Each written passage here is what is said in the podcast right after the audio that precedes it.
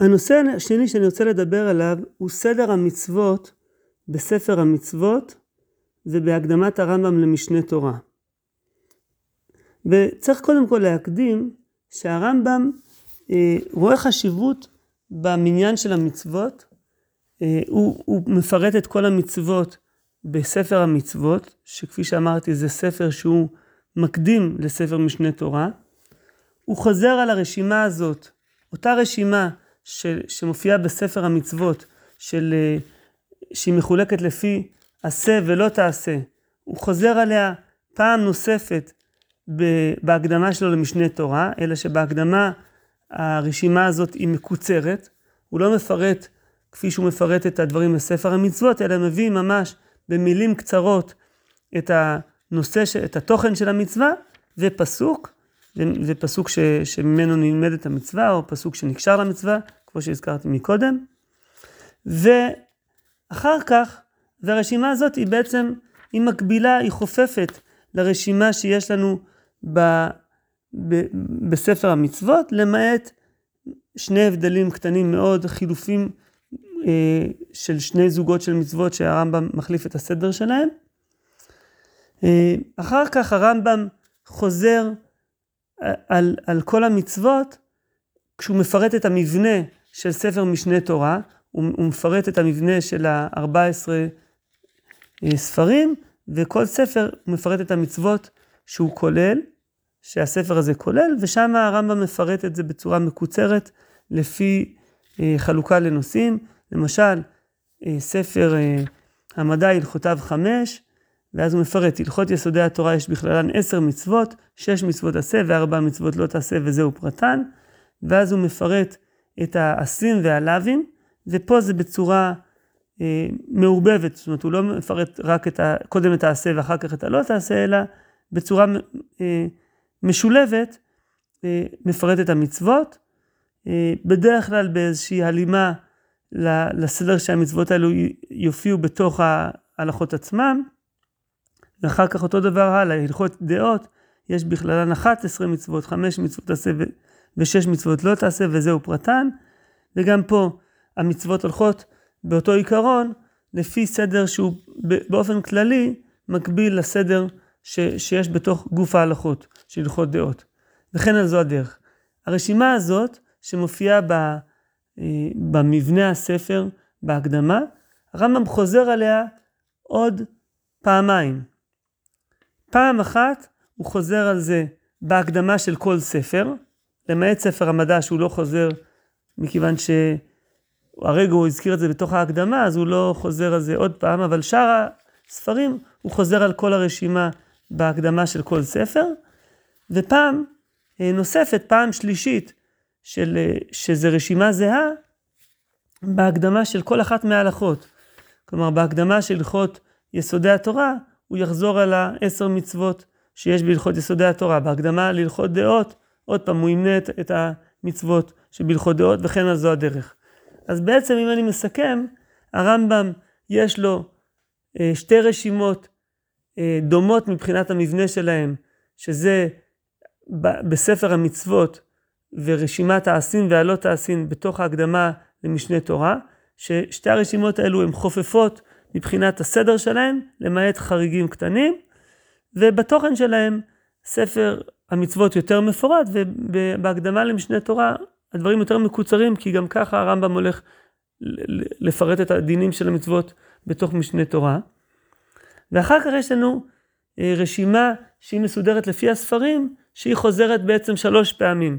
בהקדמה לספר משנה תורה כולו, אחר כך בהקדמה לכל אחד מהספרים, למעט ספר המדע, ואחר כך בהקדמה לכל אחד מההלכות. אז זה בגדול, ושם מדובר על רשימה מאוד מקוצרת, הוא רק מפרט את התוכן של המצווה בלי להזכיר פסוקים, והנוסח הזה חוזר על עצמו באופן זה, מילה במילה, בשלושת המופעים של הרשימות האלו.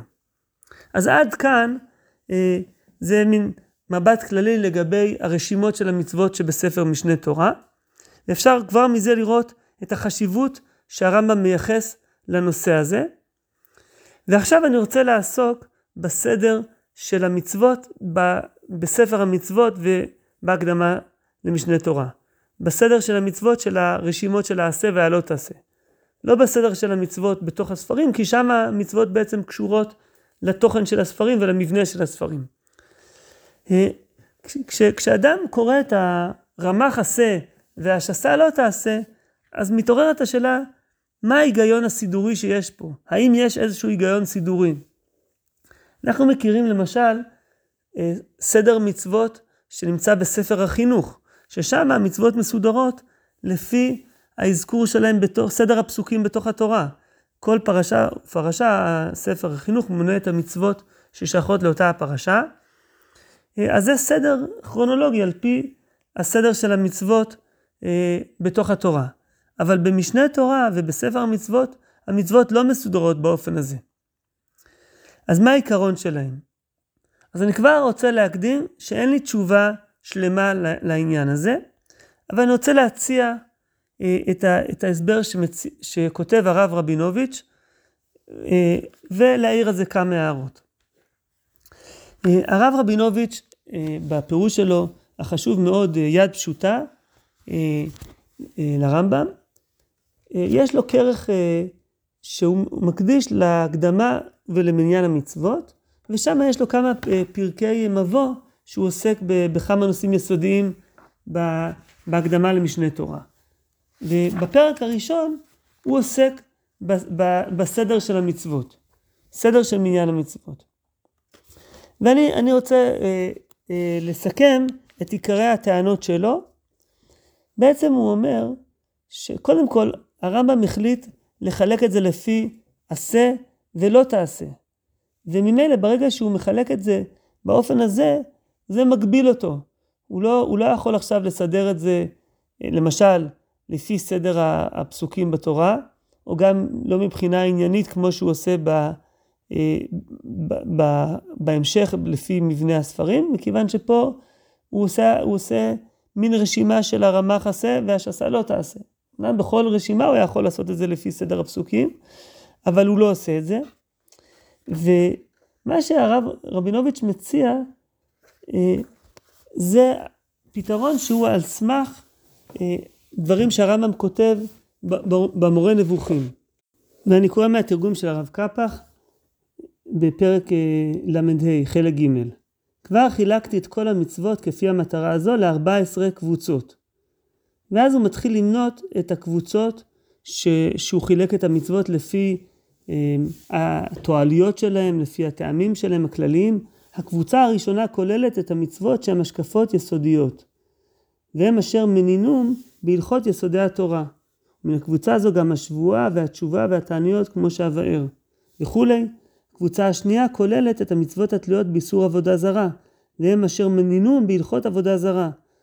ודע שכלי בגדים ועורלה וכלי הכרם, גם הם מן הקבוצה הזו כמו שהתבאר, שהתבאר. וכולי. קבוצה השלישית כוללת את המצוות התלויות בהכשרת המידות, והם אשר מנינום בהלכות דעות, וכולי. קבוצה הרביעית כוללת את המצוות התלויות בצדקות ובהלוואות ובגמילות חסדים וכל הנמשך עם זה, כגון הערכים והחרמים ודיני המלווה והעבדים וכל המצוות אשר מנינום בספר זרעים, חוץ מן הכליים והעורלה וכולי וכולי. וככה אני לא אקרא את כל ה-14 הקבוצות, אבל הרמב"ם בעצם מונה את הקבוצות וגם עם הפניה ברמה, אה, באופן אה, מסוים, לאיפה המצוות האלו מפורטות בתוך אה, ספר משנה תורה, לא באופן מלא, אבל, אבל באיזשהו כותרות כלליות. מה שהרב רבינוביץ' אה, טוען, הוא מראה שבעצם אפשר לקחת את 14 הקבוצות האלו ולראות איך שבעצם אה, גם הרמ"ח עשה והשסה לא תעשה מתחלקות באופן כללי ל-14 קבוצות האלו, אמנם לא לפי הסדר שבמורה נבוכים, אלא לפי סדר קצת שונה. זה גם לא יוצא 100%, יש כמה שאלות, אבל ככה הוא מציע אה, לבנות את, ה, לראות את הדברים, שבעצם הרמב"ם אה, בנה את זה באופן הזה. אה, באמת אני לא מעריך בזה, מכיוון שמי שירצה יוכל לקרוא את הדברים אה, אצל הרב רבינוביץ', אבל אני רוצה להעיר כמה דברים. אה, מי שיסתכל אה, בפירוט שלו יראה ש... זה לא עובד 100%. יש כמה חריקות, וגם לגבי העשים, ועוד יותר לגבי הלא תעשים, אה, שזה לא בדיוק יוצא חופף אה, ל-14 הקבוצות, וחלק מהקבוצות שהוא, שהוא מחלק, זה לא בדיוק, לא כל המצוות שבתוך הקבוצות האלו הן נכנסות בצורה חלקה. על חלק מהבעיות הוא עצמו מעיר, ואני חושב שיש בעיות נוספות שהוא לא מעיר עליהן. האמת היא שאין לי הסבר טוב, אלטרנטיבי להציע. הרושם שלי שהמצוות כן מסודרות באופן כללי לפי קטגוריות כלליות של תחומים, אה, אבל אה, לא בצורה כל כך נוקשה של 14 כמו שיש במורה נבוכים. לא חושב שאפשר לעשות פה חלוקה מוצלחת של 14 גם במצוות עשה וגם במצוות לא תעשה. בחלק מהמקומות הקבוצות האלו של הקטגוריות הן ברורות יותר. אה, למשל, הקבוצה הראשונה שהיא א' עד י"ט, מצוות שקשורות ל, אה, לקשר עם הקדוש ברוך הוא, מצוות שיש בהן איזשהו ביטוי אה, חזק לעניין הזה, ואחר כך מצוות כ', מתחילות קטגוריה של מצוות שקשורות למקדש ולקורבנות, שם יש קבוצות מאוד ברורות, אה, אבל בחלק מהמצוות יש קבוצה של מובחנת של עניינים של טומאה וטהרה גם, ועוד ועוד, אבל בחלק מהמקומות אה, לא, לא, לא כל המצוות נכנסות בצורה חלקה לתוך כל קבוצה, וגם המעברים בין הקבוצות, אה, לפעמים יש קבוצות שיש מין מעבר חד בין, בין קבוצה לקבוצה, ולפעמים זה נראה שהרמב"ם שם בין שתי קבוצות מין כמה קבוצות שהן איפשהו על התפר, שהן מתקשרות לשתי הקבוצות, ובאופן הזה הרמב"ם אה, חורז קבוצה אחת לקבוצה, ואולי גם אה, לכן החלוקה בין הקבוצות היא לא תמיד חדה וברורה. אז בסופו של דבר, הרושם שלי שיש פה איזושהי חלוקה שיש בה איזשהו יסוד ענייני, אבל הקבוצות הן לא, הן לא מוגדרות תמיד עד הסוף, ובוודאי שהן לא אה, מוגדרות ל-14 בצורה כזאת מובחנת, גם בעשה וגם בלא תעשה, באופן שחופף את, ה, את המורה נבוכים. אולי רק אני אתן דוגמה, להראות את העניין הזה בכל אופן, שכן אני חושב שיש פה עניין של קטגוריות ענייניות, שזה אה, גם דברים שהרב רבינוביץ' אומר, רק שהוא מפתח את זה יותר, אה, זה המקומות שהרמב"ם מכניס איזשהו רמז של טעם. למצווה. למשל, בקבוצה, הרמב"ם יש לו קבוצה גדולה של, של לאווים שקשורים לענייני עבודה זרה, זו בעצם הקבוצה הראשונה של, ה, אה, של המצוות לא תעשה, אחרי שהוא מתחיל עם ה... שלא לעלות במחשבה שיש שם אלוה זולתי השם, אז הוא ממשיך עם עוד הרבה לאווים שקשורים לענייני עבודה זרה. ובתוך הרשימה הזאת, אז הוא מביא אה, שלא תעדי אישה עדי איש, שנאמר לא יחלי גבר על אישה, זו מצווה לא תעשה ל"ט, ואחר כך במצווה מ' שלא יעדה האיש עדי אישה, שנאמר ולא ילבש גבר שמלת אישה, ופה הוא מוסיף, מפני שזה היה מנהג עובדי עבודה זרה, וכן מפורש בספרי עבודתה. ואחר כך עוד פעם, שלא לכתוב בגוף כעובדי עבודה זרה, שנאמר וכתובת קעקע לא, לא תיתנו בכם. שלא ללבוש שעטנז, כמו שלובשים כומרי עבודה זרה, שנאמר לא תלבש שעטנז. אז הרמב"ם פה, והוא ממשיך עוד כמה דוגמאות של אה, גם איסור להקיף את פאת הראש, ולהשחית את הזקן ולהתגודד, שזה, את כל הלאווים האלו הרמב"ם קושר לענייני עבודה זרה. אז, אז קודם כל, אה, למשל העניין של שעטנז, אז זה טעם מעניין, אה, ש, שהרמב"ם מקשר, יש הרי שקישרו את שעטנז לאיסורי כלאיים האחרים, אבל הרמב"ם דווקא מקשר את זה לעניין של עבודה זרה. ו, וזה נראה שהרמב"ם במצוות האלו, בלאווים האלו, הרמב"ם מוסיף את הנימוק, מכיוון שזה באמת לא ברור אה, אה, אה, שזה הנימוק, והרמב"ם רוצה בעצם דרך הנימוק גם להסביר למה הוא ממקם את הלאווים האלו במקום שהוא ממקם אותם.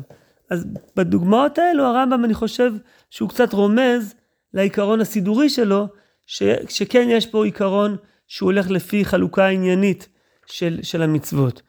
אבל איך בדיוק החלוקה הזו עובדת, פה עדיין צריך עיון.